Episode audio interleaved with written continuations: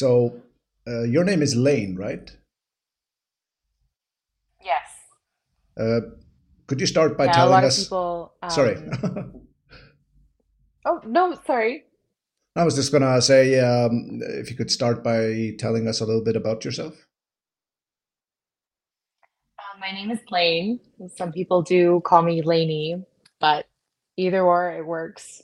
But um, yeah, so I'm just a small town Canadian. I grew up in the countryside. I did get to spend a little bit of time in the city when I went to university. Um, but uh, I just kind of always grew up with men, and I always grew up being very competitive with men because I had brothers, and uh, I always just saw myself as their equal. And um, it's taken me, you know, going out into the world and uh, interacting with men who, you know, how do I put this? Uh, seeing seeing the reality of men in a way that um, I didn't realize how easy my brothers went on me on things. And I didn't realize I wasn't actually contending with them or competing with them. They were including me in things, but I wasn't actually, you know, dealing with the same reality that they were dealing with. Um, I hope that makes sense. But um, you know, I I always considered myself a feminist, and uh, one thing led to another. I started to realize that those feminist ideologies that I subscribed to were no longer what I thought they were. I thought they were just the truth. And then certain things started to happen, and those things started to dissolve. And I started to view my own brothers and my father differently. And I started to see them through a different lens. And I've just been on a journey of, uh, of um, continuing to let go of modern ways of viewing gender and, and sex and and what it means to be a woman and what it means to be a man. And um, so, you know, I've ended up coming across a lot of wonderful people on this journey, including yourself. So now I'm here. Uh, I'm very curious uh, when you were talking about the feminist uh, ideas and uh, ideologies. Is there something in particular that comes to mind that you would um, that maybe you got disillusioned by or think is harmful in some way or, or something of the kind? I don't exactly know where it all came from. I I want to credit it to pop culture and just um, media and politics that uh, the things that politicians would say and you hear catchphrases or you see in a in a movie and I, I just grew up wanting to be Wonder Woman and I grew up um, you know, I was always very competitive in sports and I remember when I hit puberty, men or boys my age started to be stronger and faster than me and I hated that, and I I was so competitive, and I wanted to figure out why. And I I found a lot, unfortunately, a lot of very misleading articles um, that made the argument that women are actually as strong as men, but because of the patriarchy, we can't physically develop our bodies to be as strong as men. A- And it's laughable, it's hilarious when I look back at it now. And um, it's very easy to you don't have to go down some dark secret um, rabbit hole on the internet to to come across a lot of uh, to to put it bluntly, a lot of garbage, feminist garbage like this. It's very dangerous, and um, and so I can't chalk any of my feminist thinking from my past up to any one specific moment, but I can look back on certain moments and remember reality not lining up with the feminist narrative. And uh, yeah, I just um, I always thought my brothers being bigger and faster and stronger than me was something I needed to be offended by, and I felt oppressed by it. And uh, yeah, I could go on about that, but Yeah, isn't it isn't it uh, insane how you can see uh, on so many sites that aren't, as you said, it's not some deep, dark rabbit hole where you can, uh, where you're actually reading these things about. Um, like uh, I, I will always say that women are they're they're just as important and valuable as men, but they're they are built very very differently, and yeah. it, it's so weird to see, as you said, uh, that women are painted as just being just as physically capable as, as men at so many things. And and yeah I, I agree. It can be dangerous when it comes to things like them wanting to compete uh, have men and women compete with each other in, in things like fighting and stuff like that, that that's actually mm-hmm. dangerous. And and yeah yeah I, I actually i totally agree with what you were uh, describing there. And this is not just some far-fetched idea mm-hmm. Uh, speaking. Yeah. Oh, sorry. Yeah, go on. Nope. No, I was just agreeing with you. Yeah. I was speaking of uh, uh, fighting, and you told me that you used to box. Is that is that correct? I did. I used to. Um, when I was 16, I got into competitive boxing, kickboxing, and uh, I started to. I competed um, at the national level when I was 18 and I performed very, very well.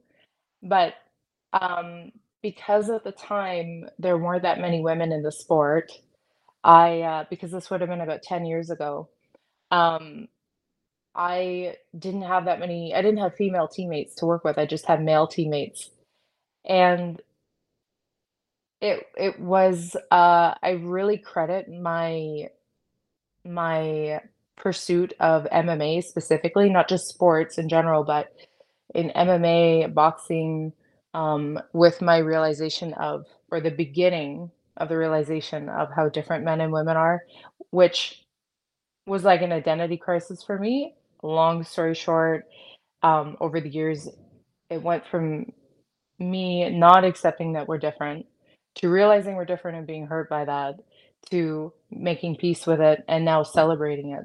But uh, when I was competing, um, I'd get in the ring, obviously fighting another woman. First time I had a fight with a woman, I was used to men. And yeah. mind you, they weren't going hard on me, but they were still, even them being gentle with me was different than a, uh, my female competitors in the ring. And I was expecting to go to war. I was expecting yeah. to be potentially killed or knocked out or something. And then I suddenly, when I got glove to glove with this girl, mind you, there are some amazing female athletes out there who would mop the floor with me, but um, it's just different. Like I just wasn't met with this wall of strength that I'm used to when sparring with my male teammates. And um, it felt too easy. And and it, I I I know I am strong for a female, um, and I, I did have really good training, and you know I again there's women out there who would absolutely destroy me in the ring, but even those women, I've met them, I've trained with them, I've never competed against them because I never got to a very high level, but um, when you roll with them in the gym, when you spar with them in the gym, they have to rely on technique and speed a lot more um, in order to be a threat. Whereas men, they're being gentle and you don't realize they're being gentle with you. and then you see them spar with each other and you're like, oh, he doesn't go that hard on me. yeah. Or like, and they're just playing with each other. And um, yeah, I used to, I used to be very, I used to be very offended by the reality of men being stronger than me, and and it took me a while to just realize, like, you can't be offended by biology. It's not the patriarchy. Men didn't go into a lab and genetically modify women to be weaker. That's something that God did or the universe, whatever you believe in, like, that's something that's beyond the patriarchy's design. So, yeah. if there um, if you listen to if you listen to some people though you would actually get the idea that uh, this is somehow uh, some elaborate plan by evil men to make women weaker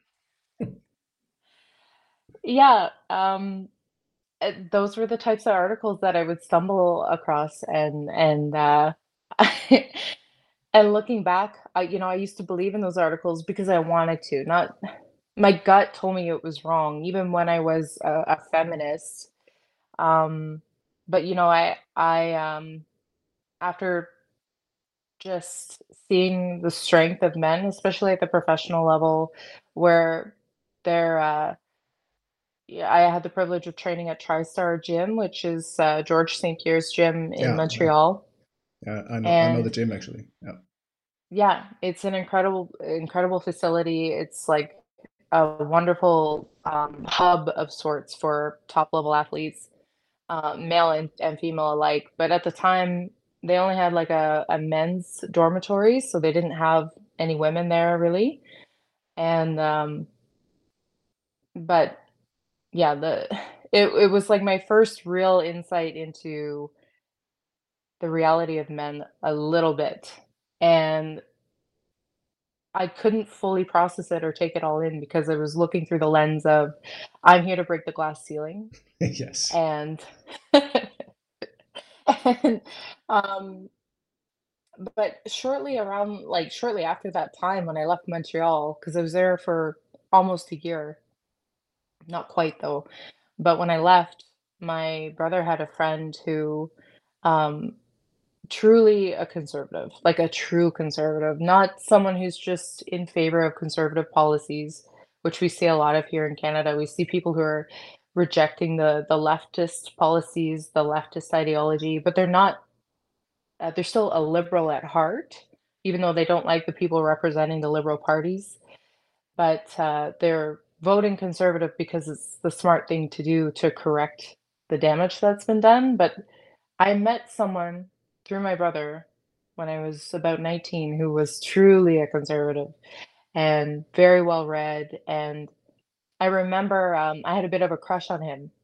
And I looked up to him and I thought we could talk about politics. And I I remember mentioning something about like the wage gap. I think that was the thing. It was at least one of the things. And I remember him presenting me with just stats and data. And I realized I was so angry about women getting paid less, but I never looked into the data as to as to where those arguments come from that women are paid less and and he quite simply proved that that's not true. Like women earning less is because of biological um, realities like having children or having a different uh, disposition like women aren't um, wired to work the way that you know the top earning men are, and not even all men are wired to become a billionaire CEO. And um, and so there's no such thing as like a wage gap. There is an overall earnings gap in a year, but there's a lot of reasons to to explain that. But women are not paid less uh, by the hour than men are, and it really crushed me. Like he was just showing me basic facts he wasn't saying anything profound.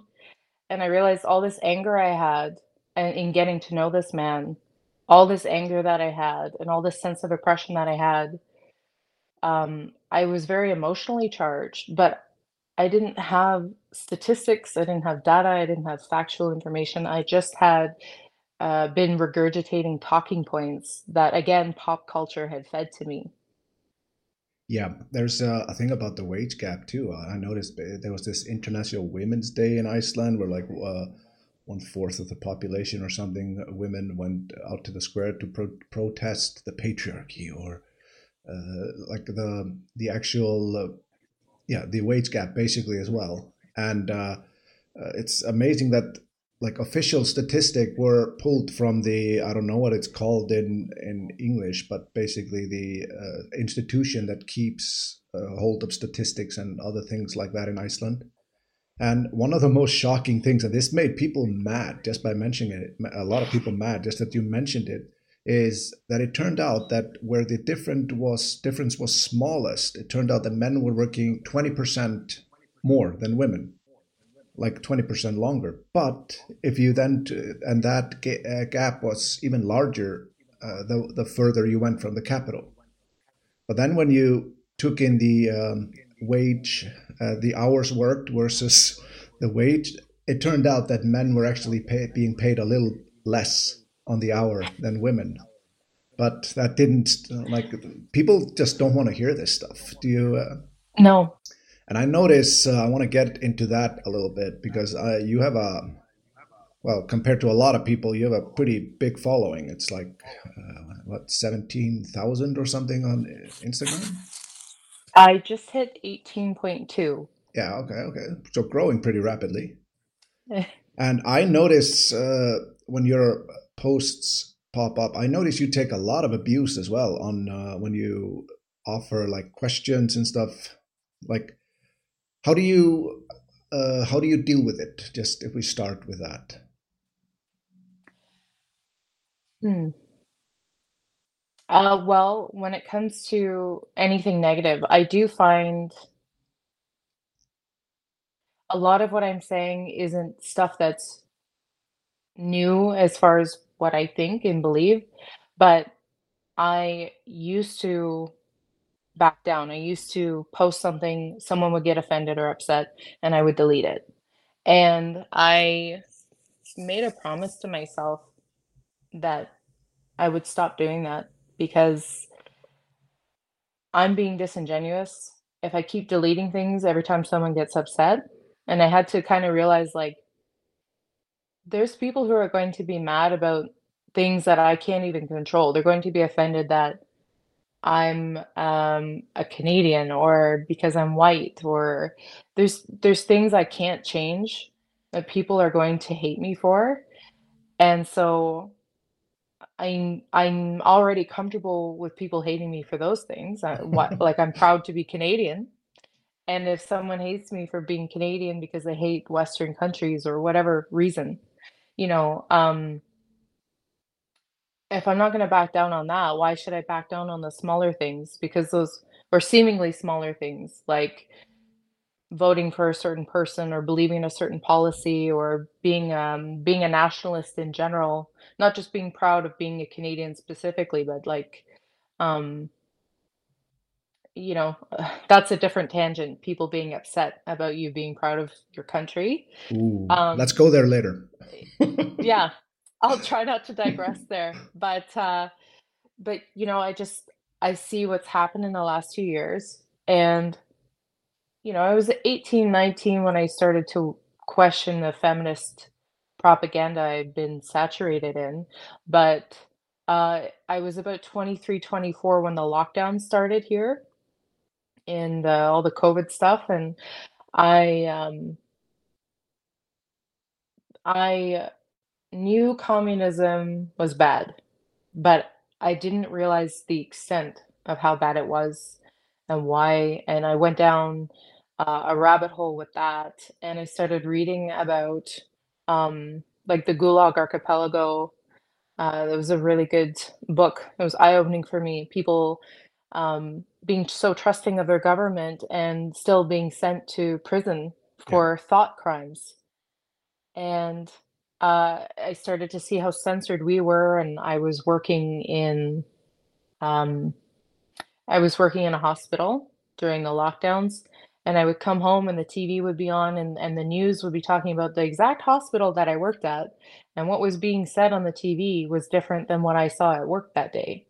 And what happened at work was we were sitting around not wearing our masks, drinking coffee, and having a normal day at work. And and you go home and you see the news and my grandparents, you know, they they'd say, Lainey, like, I'm so sorry so many people died at work when you're at the hospital today and I'm like, no, like it's it's a lie. And I started to really see it firsthand. And I know it's quite controversial to talk about COVID still, but um, I started to think about the Gulag Archipelago and I started to think about how people just trusted that when they got onto the train and got to the police station, if they were even sent to a real police station, Yeah. that everything would be resolved and they would get to go home. And uh, I started, you know, seeing how people were ratting on their neighbors, not just in the past, but uh, during the COVID stuff, and people were censoring things. And then I realized this has been going on a lot longer um, than just the last couple years with COVID. People have been denying your right to state an obvious fact, like I believe there's only two genders. There's just men and there's just women. And that's something that everyone was taught in school, um, in any biology class is very basic biology. But uh, now you say that, and there's this dissonance where um, it's offensive to acknowledge the truth, and it's very Orwellian. And so I thought, just like the people during the time of, you know, um, in the early 1900s, during the time of the Gulag Archipelago, like uh, when Solzhenitsyn said, you know, we're all to blame as individuals because what did I do, knowingly or unknowingly, that led us all to this state? And and so now I feel like it's my due diligence to take the hits and to let people be offended because someone has to say something. And if I am one of those people who says something, I find as many times as people attack me, 10 times more the amount of people who are attacking me are coming forward saying me too. And and not in the feminist me too way, but they're Yeah. saying, you know, me as well. Like I uh, I find it's like being the first kid in the class to put your hand up and ask a question, and then everyone gets the confidence to ask and speak out. That's a huge, huge point that uh, that a lot of a lot more people should be considering very, very uh, carefully. The fact that uh, when you are saying things that are deemed controversial, there's a uh, there's like one in ten, Uh, but that one person that is very, very loud, especially on social media, and that minority is actually something that like gathers in a herd to attack people, like separate them from the herd and attack the individual. That means just so no no more people from her, the the herd that is vastly bigger, more powerful, just so others will will stay in line hmm because because when they don't, they are separated from the herd and attacked. While the um, yeah, it's uh, this is uh, this is something that we're seeing a lot everywhere. I think, and thought crimes are hmm becoming yeah, like just uh, I don't know words. And Canada is especially bad with this right now, isn't it? Yeah, yeah, it's quite bad. We had someone, unfortunately, in a, I believe, a Catholic school board district. Um, he faced consequences. I don't know exactly what he had to deal with, but he had to face consequences for saying there's only two genders. And he was uh, a teenager and in the Catholic board of all things. Wow. So, um, I don't know where that case went, but the fact that that was even a case at all is really disturbing to me. And um, to me as well, I think um, after seeing how Trudeau was towards Canadians and the way he restricted people's rights and their bank accounts and all of these other things, I've already done more than an. Sorry, Oh, Lenny, yeah. let me cut you up because uh, I know while uh, I know it and I know obviously you know it, please elaborate on the bank account thing because, uh, in my opinion, that is one of the most fascist acts that has been done in the entire Western world, probably for decades. But if you would kindly explain, as a Canadian, what, what actually happened there. Yeah. Yeah. So during the uh, the protests for the lockdowns and the the mandates, uh, mainly the protests when it came to the trucker convoy was uh, it was based around people not wanting to be forced to take the vaccine for numerous reasons, and everything was very peaceful. Everything was uh, to very explain, um, like, uh, I'm just going um, through this as if someone didn't know anything about it. What uh, okay. trucker convoy? Okay. So As I said, I know both of we us know about it, but I'm just assuming that some listeners have no idea, and the the the more information that this brings, the better. okay. Uh, so in Canada during the lockdowns, we had um, we had a convoy form during the lockdowns, which was just um, I'm not aware of every little detail of it, but it was started with uh, some truckers and it started to pick up steam. And then it turned into people supporting these truckers who just wanted the right to choose whether or not they got the vaccine, the COVID vaccine.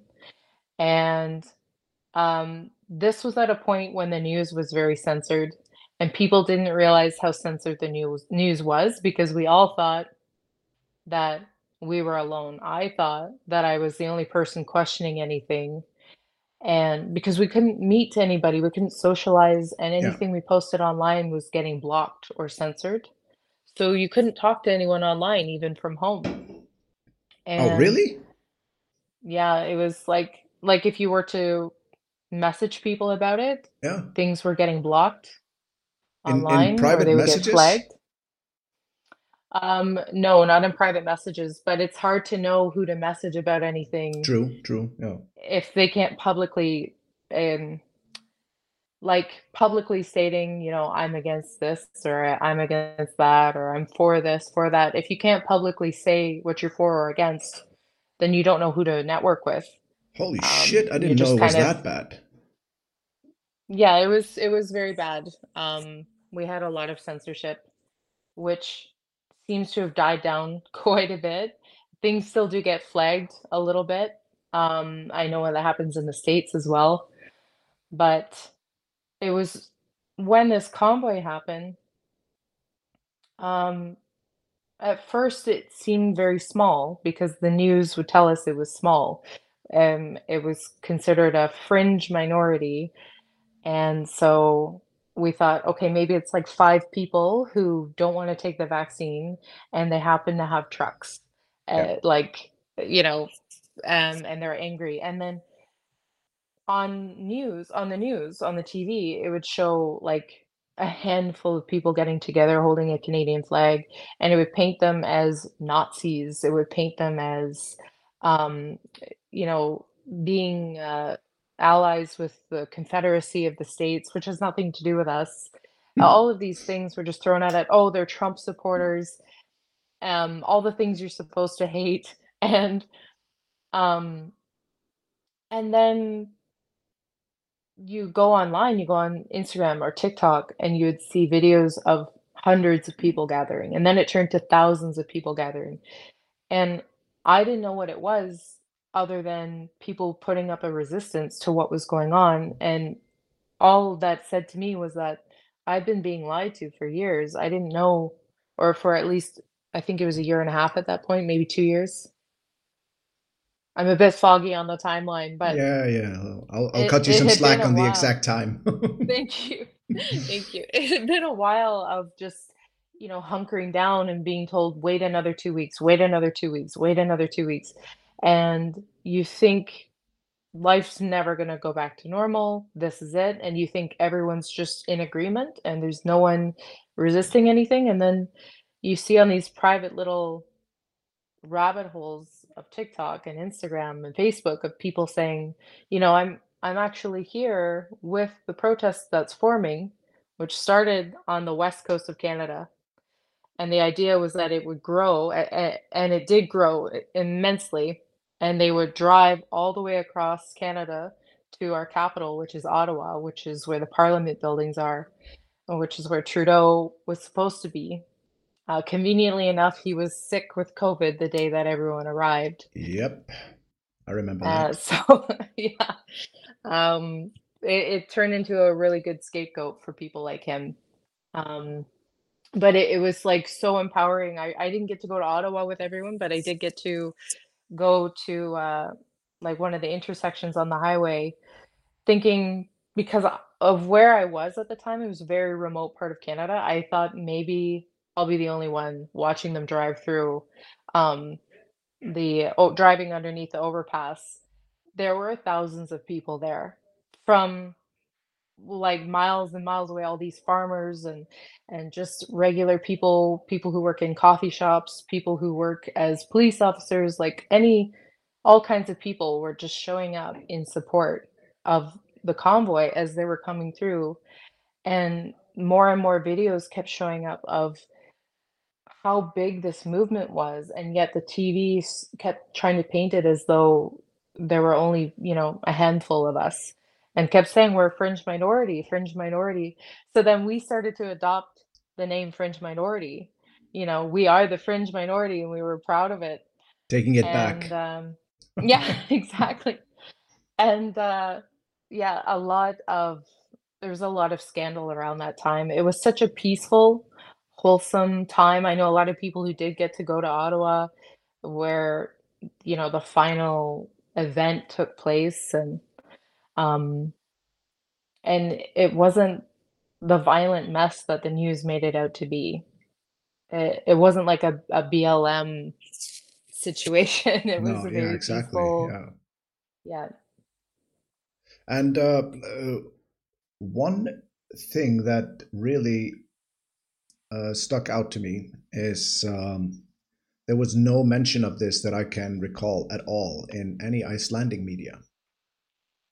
And just like you're, we're not hearing anything about the gigantic uh, farmer and railway worker protests in Germany or anything, hmm it's almost Yeah, as if uh, people don't want this to be out for some reason that I can't uh, can't really fathom. But and what happened to the people that supported uh, those protests? So yeah, this is the the fascist uh or this is where it gets very fascist. But um if you so my I have a relative who donated five dollars to the movement. It was a Yeah. GoFundMe, and the the money was supposed to go towards food and gas for the people who are attending the event. And his bank account, along with the I don't know the exact number, but along with many, many, many other Canadians, his bank account was frozen. He couldn't access it for any reason. He couldn't buy anything. He couldn't pay bills. He couldn't transfer money between accounts. He couldn't receive money. And um, it was closed for a while. Like he was blocked from his own money for a while because of $5 that he donated to help feed people who had the wrong opinion. So let me get this straight. There was a protest. I'm just going to summarize it because uh, this is coming from a Canadian, so I can't resist. But uh, so he was uh, he donated money to a protest that was deemed um, bad. I, I remember Trudeau calling them Nazis and stuff like that, like uh, openly.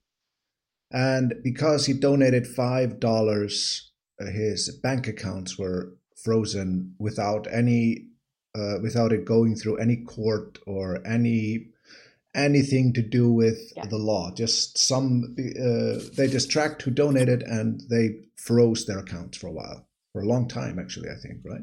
Yep. Yep. He wasn't, I don't know the exact amount of time, but it was like, it was dangerous if you're trying to feed yourself and pay Yeah. bills.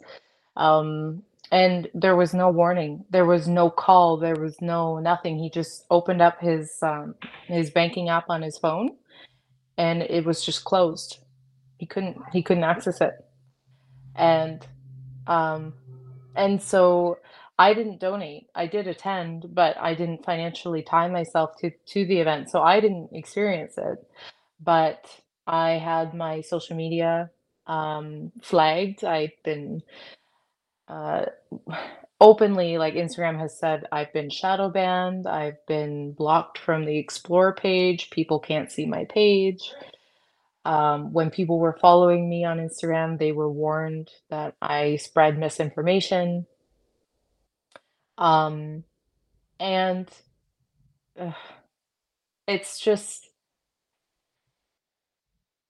it's incredible that something like that can happen in a country like Canada because we're considered such a free place. But the issue with Canada is that we've, uh, for years, like we were talking about the, the whole feminist thing where men are the same as women, Um, there's there's been an endless array of of things that are not true that have been hammered into us that we're supposed to accept, and I think that emasculates a society. It it feminizes it, it weakens it, it makes like it makes the people weak when you keep showing them something that's clearly one thing and then telling them they have to believe it's another.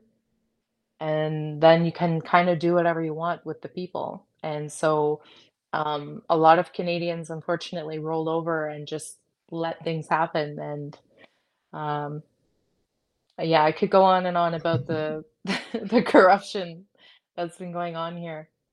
Yeah, it's especially since uh, I remember, like for a long, long time in the uh, when you saw people from the U.S., you know, they were talking about. uh, I think it was uh, around the time when Trump was elected that they kept talking about Canada as like that's the dream, right? That's the that's the dream that we want. But and then turns out that Canada has been slowly turning into turning into I don't know from from what I often see, I, it seems like like very very fascist tendencies uh, going on there. Yeah. Yep, our news is blocked, like unless it's approved by the government. really, And uh, pod, yes, podcasts holy as well, shit! and like any um, streaming services. Like if you watch Joe Rogan on YouTube, or if you watch um, a certain show on Netflix, or anything that might remotely be out of line with what Trudeau wants us to see, it's going to be going through a process of uh, of being filtered out. So when I go on YouTube, my experience on YouTube is going to pretty soon be quite different than an American's experience on YouTube. And uh, Christ, I we're, didn't know that. yeah, we're not allowed to see, um, uh, we're not allowed to see news pages on Instagram. It shows up as blank. You can see the page, but you can't see any of their posts. And it just says blocked in your country, even if it's a Canadian-based um, uh, page. So we're not allowed to see a lot of things here. And unfortunately, people now, if you want to get your news other than from Trudeau, it's like meme pages. That's the only way to get it. shit! Like I didn't even know that. I thought I knew a lot about how the situation was in Canada. I didn't know it was that bad. No, we're really we're pretty bad here, and uh, I don't know if it's gonna get better or worse because Trudeau doesn't seem to mind that everyone hates him here. Um, I mean, he wants everyone to be quiet and to have their, you know, their voices taken from them, but he doesn't seem to be self-conscious and feel like he needs to change. He needs to listen to the people that allegedly voted for him. So, Well, there's uh, there's a famous saying. I think it was attributed to Stalin, but I don't know. It was actually he that said it. It's not who votes; it's who counts the votes. It's, so yeah. that's the that's what matters. But uh, so you you said uh, I want to uh, change the subject a little bit, but you said you were raised on a farm, Yes. and you Yeah. you actually worked as a farmer, right? Is that A little bit. Yeah. Like I I grew up um like my parents, uh, especially my mother, farmer. Um and so I grew up on a farm for a little bit and then we moved to like a more uh, still rural but a more populated area and uh we didn't have a farm anymore but my grandparents still did.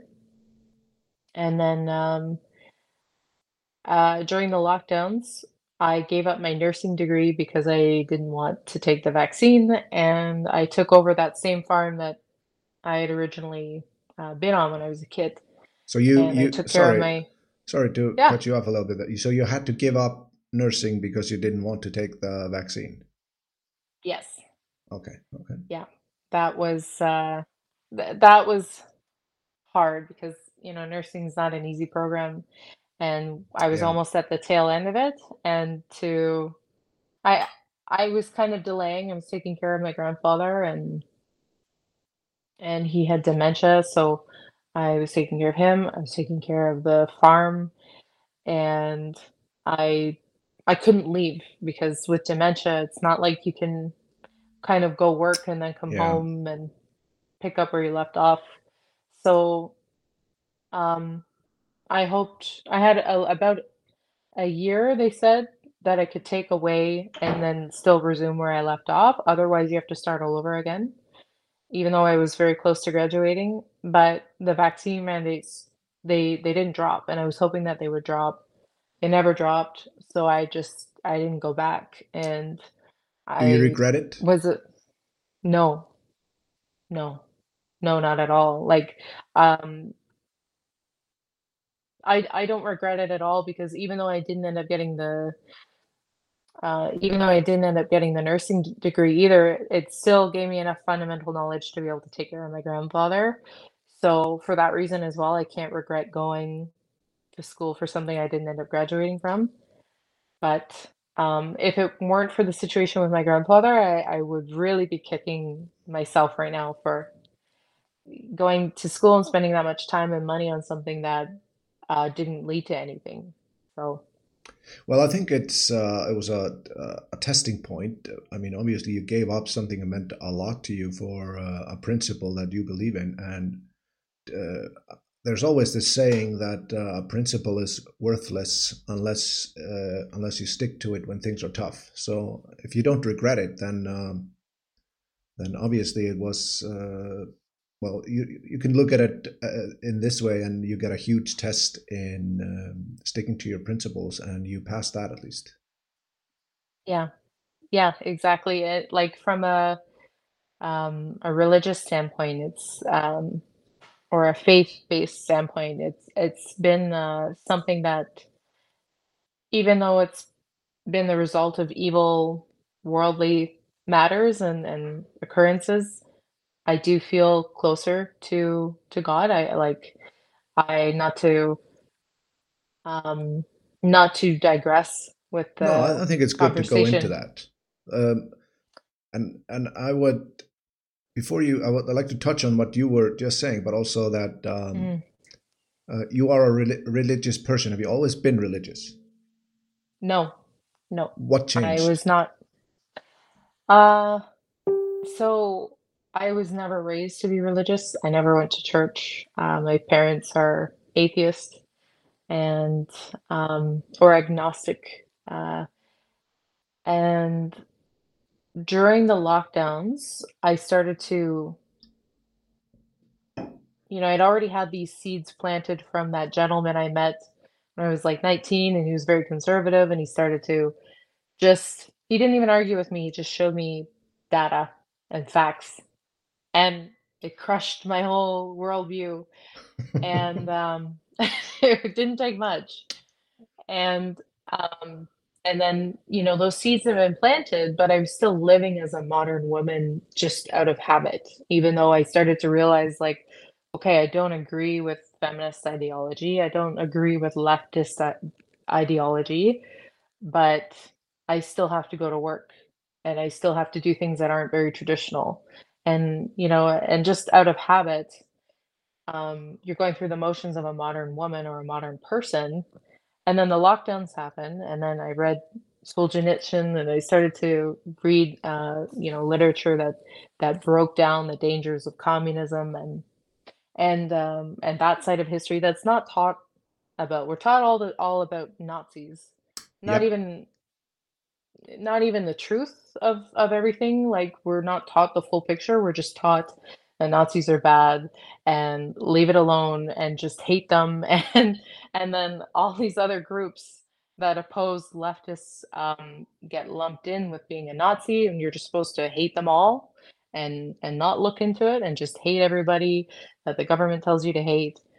And uh, and they never talk about communists, just despite the the dangers of communism. But um, anyway, I I just I was studying these things and started to really realize how left leaning I'd really become and how left leaning the world had really become, or at least the world around me. and how, uh, if you're not, like, a diehard leftist, you're just apathetic towards poli uh, po politics and life in general, like, you're one or the other where I'm Yeah. from. If people are either just, "I don't care, I just whatever, just don't bother me." A lot of people would just take the shot because they just didn't wanna be bothered, and they just wanted to keep going to work and watching TV, and they just tried so hard to hold on to what their version of normal life was. Yeah. And they didn't they didn't even necessarily agree with taking the shot, they just didn't have passion for resisting. And, uh, and then there was people who were passionately, like, enthusiastically, um, going along with what the government was wanting. Like, I they couldn't wear enough masks, they couldn't take enough shots. And and, um, I started to really have this perfect live view in my face of of, like, communism unfolding and leftism in action, and I'd already had these seeds planted before the lockdowns were even a thing, and it just made me become more and more conservative, and then I realized uh, my conservative, um, reformation was resembling a Christian life in an orthodox sense, and I realized I needed to explore faith because I was already living like a Christian to revolt against the evil going on in the world without even intending on being a Christian. And, uh, I was fortunate enough to have access to, um, a a very, um, beautiful oratory and and I got, um, access to catechism classes, and I learned about, uh, Orthodox faith and and Catholicism, and I became a catechumen, and I, um, I got baptized because I I just realized the only answer, even from a pragmatic sense, emotions aside, the only answer to cure the communist overtaking was Christianity and traditional views and traditional values. And so, uh, that's that's when I started to look into faith and and religion and realizing the truth in the scripture and and the truth in the history behind it, and, um and, uh, I just it really helps solidify my new conservative views and values. Yeah, that's that that's a Yeah. that's a great story, and uh, especially uh, when you think about when you say that uh, Christianity is uh, the communism is the enemy of Christianity, pretty much.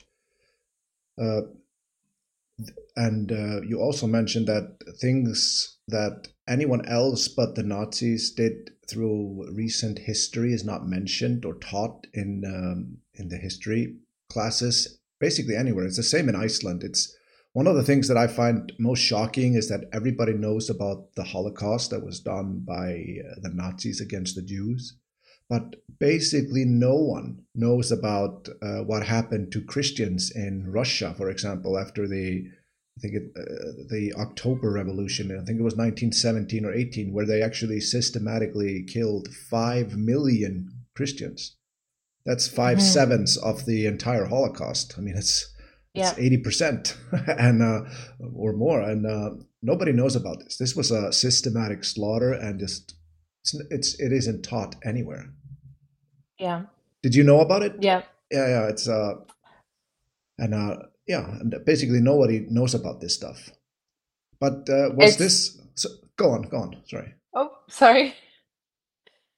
Um, it's just it's interesting too that we have like, we're supposed to hate Nazis in our country, and then, um, not so long ago, we had a very big TV, uh, personality named Don Cherry, if so he Go on. said he he just asked people, "Please wear your poppy for Remembrance Day to honor the people who fought the Nazis," and he lost his job and got fired despite all he did was ask people to wear a little flower to remember, um, you know, the people who quite literally went and fought and killed Nazis or were killed by Nazis, and and regardless of of your your thoughts on how accurately the history is told or not, you have to agree it's pretty odd that we're supposed to hate Nazis, but also hate the people who tell us to respect those who fought Nazis.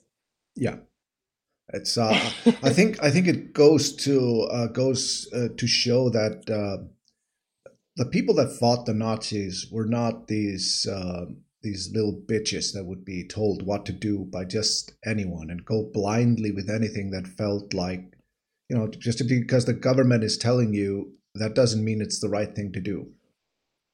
And I think mm-hmm. those people are the ones that they they really want to well oppress. If you're if you're for this, you know that's that's a that's a big danger of thinking independently, and we can't have that. Mm-hmm. And I think this goes uh, along somewhere along. I don't know. I don't know if I want to if I want to call it the war on masculinity, but at least like the demonization of it. And um, actually doing a show yesterday where we went into the fact that uh, 20 years ago, yeah, 20 years ago, maybe maybe a little bit more, nobody was thinking about what what masculinity was. Nobody was defining it. You didn't really have to because men were just doing things but now it's a, it's such a huge huge thing because there's you, you don't even realize how important it is until there's such a shortage of it yeah uh, you've yeah, been ad- advocating for it on your page uh, yes. Give us your, your your view on why we need that in our lives why women need this in their lives. Well uh again you know, touching on the just the differences of strength, I think that's a really good starting point.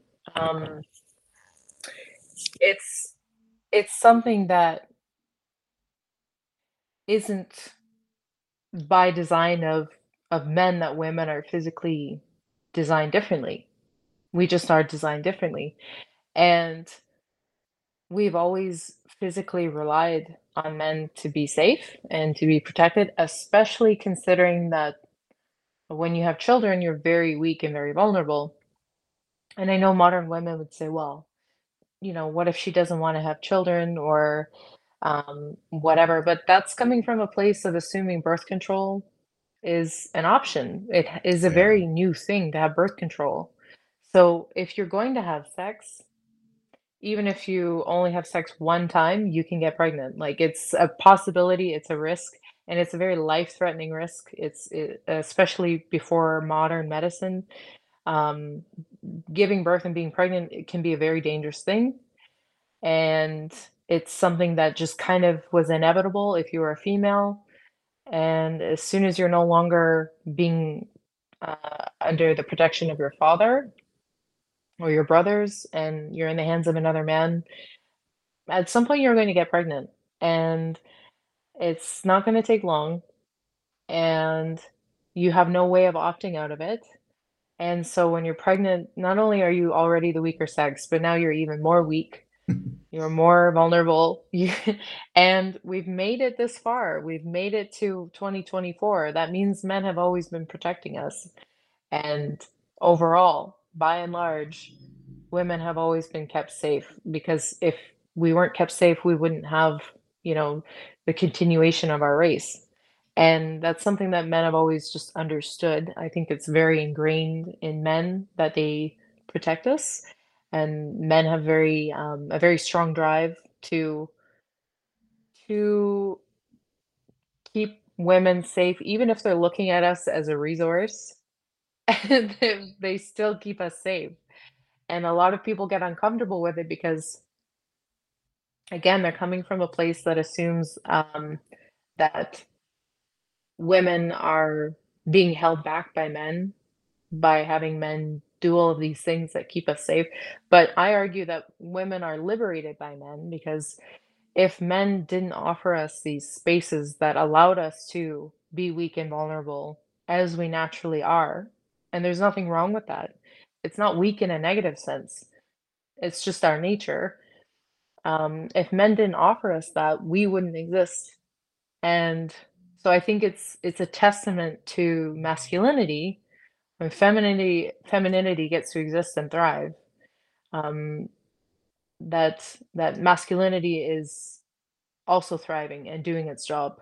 But femininity doesn't mean when I say femininity thriving, I'm not referring to um, women being boss bitches out in the workforce Yeah. and and just being out in the streets. That's not femininity thriving. That isn't femininity. That's uh, just godless godlessness, and uh, that's disorder.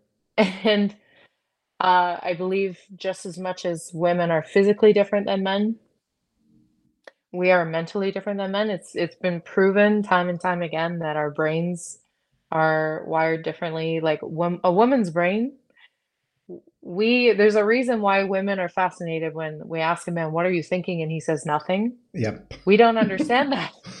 We have different brains. Our brains are connected differently, and um, you know, it's also been shown that uh, women process emotion faster. So this this sounds like a like a positive, but it can be a negative when it comes to um, like having to take course of action in a militant sense.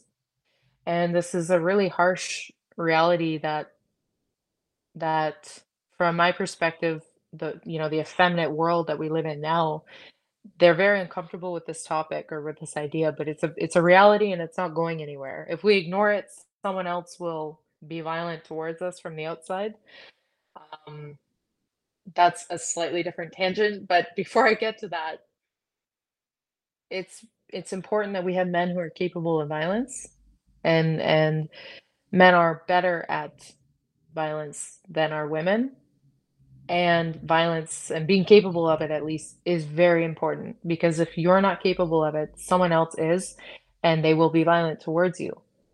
So if you don't have good men at the helm who are keeping your women safe and your children safe and your your other men safe and your resources safe then you're going to be taken over. This is all history is. It's constantly people being taken over by other Yes. people and that's not going away. So I think masculinity is very, very important, and um, and I think this is also why, and this is something I people find very controversial, but I feel like women being in men's spaces, or traditionally what's considered a man's space, is really dangerous because when, men are not going to be physically violent to us. So uh, when women enter a man's space, and we have these Me Too type movements that, you know, eye contact is considered assault, and you know, don't touch me, don't stare at me, don't this, don't that, don't make a comment, don't call me hun. Um, and it's, you know, I want to be equally represented, and uh, you have all these feminist um, ideologies in the women in the workforce, and these women thinking that they need to break the glass ceiling, and one thing leads to another, and then you have this you have this space that was once efficient and based on efficiency that's now not focused on the objective, and now it's focused on uh, making women the poster child, and it feminizes the the entire space, and it loses its efficiency, and that's what happens when women like end up uh, entering spaces like the military and police and politics and I've I've even recently started to question um, women being in in positions of authority in general, and it's not because I think women are less intelligent. It's it's been shown that women on average have a slightly higher IQ than men, but we're wired differently and, and we are more emotion based. And women are we're built to pursue a provider And and I find it interesting that, you know, we went from looking for a husband because we knew we were going to get pregnant eventually, so we needed a protector, to Yeah. now we have birth control, but now we're just looking for we vote for big government typically. So you have women who are looking for someone who's gonna provide for them in another way, and we vote in a way that we want the world to be soft. We want the world to be a big safe place. But when you do that on a national level, um, on the world stage, that that country is not as efficient at defending itself because you have the men being so worried that they're offending their women when the women shouldn't even be sharing the same spaces as men so that the men can just do what they're wired to do. and men can just do their job and be men. How is it that um, uh, if I uh, touch on that a little bit, I, I want to um, mm-hmm. I want to first touch on the fact that you were saying how how how women usually think we're lying when you ask us what we were thinking, and uh, it's either eh, when we say nothing it's either nothing or something as incredibly stupid of we're imagining ourselves fighting a polar bear with a spear or something like something equally retarded but uh, and uh, that that's that's no lie that's that's usually actually something of the along the lines that we are thinking or how tires are made or something so I, I do find that very very fascinating. But you were also speaking of the of the protection, and I I actually I think that's so true. And needing men who are capable of violence, but the mm-hmm. danger of being capable of violence and not emotionally strong or constantly being emotional or giving into those emotions that's how you end up with a lot of men in prison yeah and uh, that's one yeah. of the dangers I find that uh, rises when men are told that we have to give in to all of our emotions. That's that. I think that's dangerous. Yeah, exactly. Yeah, uh, because like that. That all of the. If you look throughout history and you look at um, how much violence has just always existed, and it's incredible. It's you can't even fathom. Violence is um, if you were to process every single violent act throughout all humanity and, and, like try to download it into your mind it would be overwhelming. It's you wouldn't be able to process it. It's too much.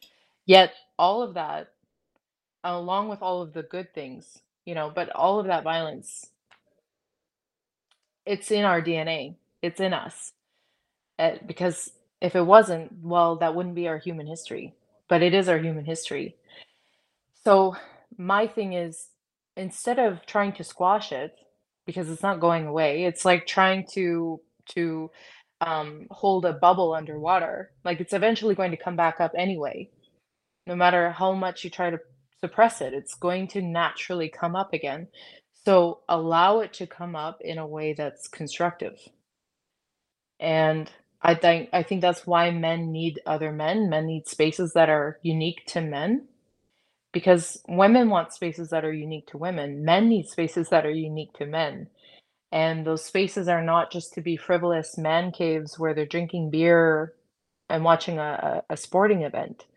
Uh, that is a good thing as well, but I think men, um, especially when they're not so emasculated that they become politically apathetic, um, men are forming spaces where it's like a militia. Yeah. It's, you know, they're getting together and they're discussing policy and they're discussing, you know, how how can we make sure the government is still working for us? And they're um, you know, they're able to get together and just I, I am not a man, so I don't know exactly what men need to be doing with each other, but no, no, they, no. I know they need each other. Yeah. And I know they they need to um, men look up to other men. I don't think men should be looking up to women. They can admire some quality about a woman, but they shouldn't be seeking leadership from a woman or women dominated spaces. Men should be uh, men do, men do their best when they're influenced by um, like developed masculinity. And that's why I think for many people religion is such a good answer because it's like let's be accountable, let's really reflect on our thoughts that's the beauty of a lot of Catholics enjoy confession because it's about reflecting on yourself. And it's not about, you know, shaming yourself for your human nature. It's just about doing better and and knowing that you are going to fail and you are going to make mistakes, but you can still at least as long as you're struggling in a better direction, yeah. You're doing okay. And that that's what men need. They need to go and struggle and fight and wrestle, sometimes literally with each other and and that's how they develop themselves but but i find like the men who struggle with um you know giving into impulses and they end up in jail because they lashed out they were violent or they took a, a bad route in their life assuming they're not going to jail for thought crimes you know if they're going to jail yeah, for something yeah. that makes sense um, you, you know, that's that's the case of some of a man who, uh, by and large, those men are typically in brought up in um, like fatherless households. But the statistics show that those men typically are growing up without fathers, or they're growing up in institutions that are overrun by women. So you have like many fatherless households, and then they go to school. Most of the teachers are women, and you know the men are supposed to somehow find themselves, or the young men are supposed to somehow find themselves in these institutions that are uh, women led. I I don't think that's uh, I think that's a recipe for disaster, and the statistics back back that up. Yeah, it, uh, there's a lot of a lot of uh, men out there who who have uh, no either no father figure or no positive male role model in their lives, hmm hmm and and um, I I also like uh, uh, something that's often denied is that we are. It, it, I find one thing that to be extremely weird is people that um, cling to identity politics that want people to be divided by certain things like race or color or something of the sort. hmm Uh, they insist that we are different because of this. We have different uh, privileges and uh, different, different in basically every way, and yet it seems that uh, most of them are unable to fathom that because if they are right, we are not mixing very well, and even if and uh, maybe they are right now, but i think the difference is mostly cultural. I like and we are we humans are insanely tribal creatures. And hmm i don't think it has ever worked very well when you mix two tribes and expect there not to be conflicts because i, I I think the tribe that's willing to give up their identity that's that's always going to be the one that loses. Yeah, yeah. Uh, it's it's interesting. Um, if you look at um, if you look at, for example, what's often pinned on white people in North America is what happened to the Native Americans and uh, how the Native Americans have lost their identity because they were told to abandon their culture and to to not value their own culture. Now, there's a lot of debate about what actually happened, but that is that that is um, I'm not saying there's no truth to that narrative, but uh, that narrative does get exploited a lot to now oppress the white people in North America because when immigrants come to here, to illegal or not, come to USA or Canada, we're told, you be quiet because of what you did to Native Americans. yeah Well, I didn't do it. My mom didn't do it. My dad didn't do it. My grandma and grandpa didn't do it. Um, but the what's interesting is that I I see here, like we're being told you don't have a culture or your ways are wrong or just any way to flank our sense of identity. And that's why, unfortunately, the government felt confident to do what they did and and organizations like World Economic Forum are confident with attempting the things that they're attempting, as corrupt as it is, and as bold as it may seem, they've been collecting so much data from us, from our smartphones, from everything. Like they're very aware of how how uh, the like how passive people have become. They wouldn't have attempted the things that they attempted if they didn't think that they could get away with it yeah because it's just been a soft launch globalist takeover, soft launch communism. And then they started to see how people responded to it. You give them an inch and they will take a mile, and they'll take that mile depending uh, more quickly depending on how passive they think the population is. And people rolled over so yeah quickly.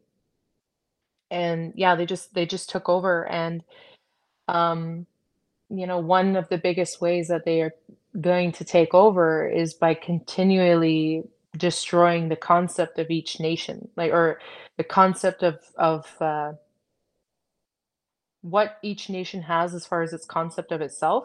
if you can continue dismantling that, then the borders don't mean anything either.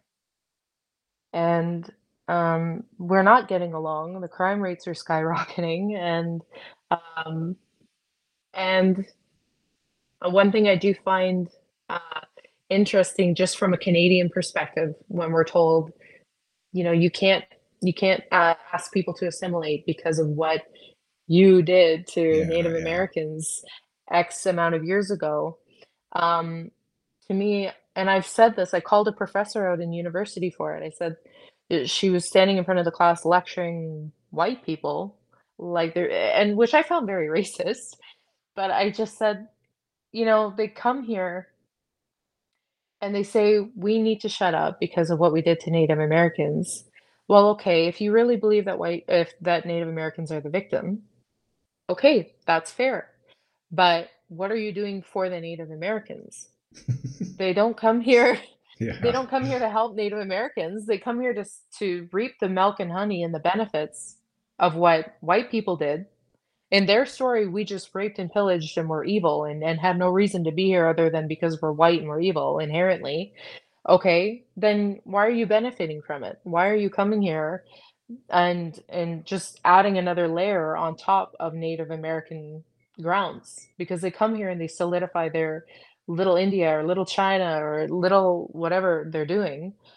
Uh, they don't come here and assimilate to Native American culture either. They don't ask, uh, you know, a chief from from a band if they can come here. Um, they just show up, and so it's all hypocrisy. Like it, they're not actually the left isn't actually sensitive or caring, they like to posture as though they're morally superior and and compassionate, but they're not. They just use minorities as a scapegoat so that they can continue justifying their corrupt agendas. I always like uh, when uh, talking about people in this matter. I always like just looking at actions versus words, and w- with the types of people that you were mentioning, those two they they never add up, not not ever. No. But uh, we've been at this for a while, and I didn't even get to well cover I think almost half the subject that uh, that I actually had written down. But uh, I would love to do this then maybe another time if you'd be up for it. I had a really fun Yeah. time uh, chatting, and um, uh, I'm gonna uh, t- uh, ask you if you wanna tell people where they can find you on Instagram or Facebook or something. If if you wanna plug that. Yeah. Um, so my Instagram is mainly where you're gonna find me. It's iron underscore bell underscore 95. And um, I, uh, off the top of my head, I don't think I have any other platforms that I'm really using, but that's that's mainly where I'm at. Um, I uh, I apologize if I've been rambling too much. you've been Uh, you've been really, uh, you've been very fun and um, very outspoken and very eloquent, and uh, it's been very very fun. So no thank need to apologize. I really enjoyed it. And yeah, I Thank you would for having uh, me. love to do this again maybe sometime. And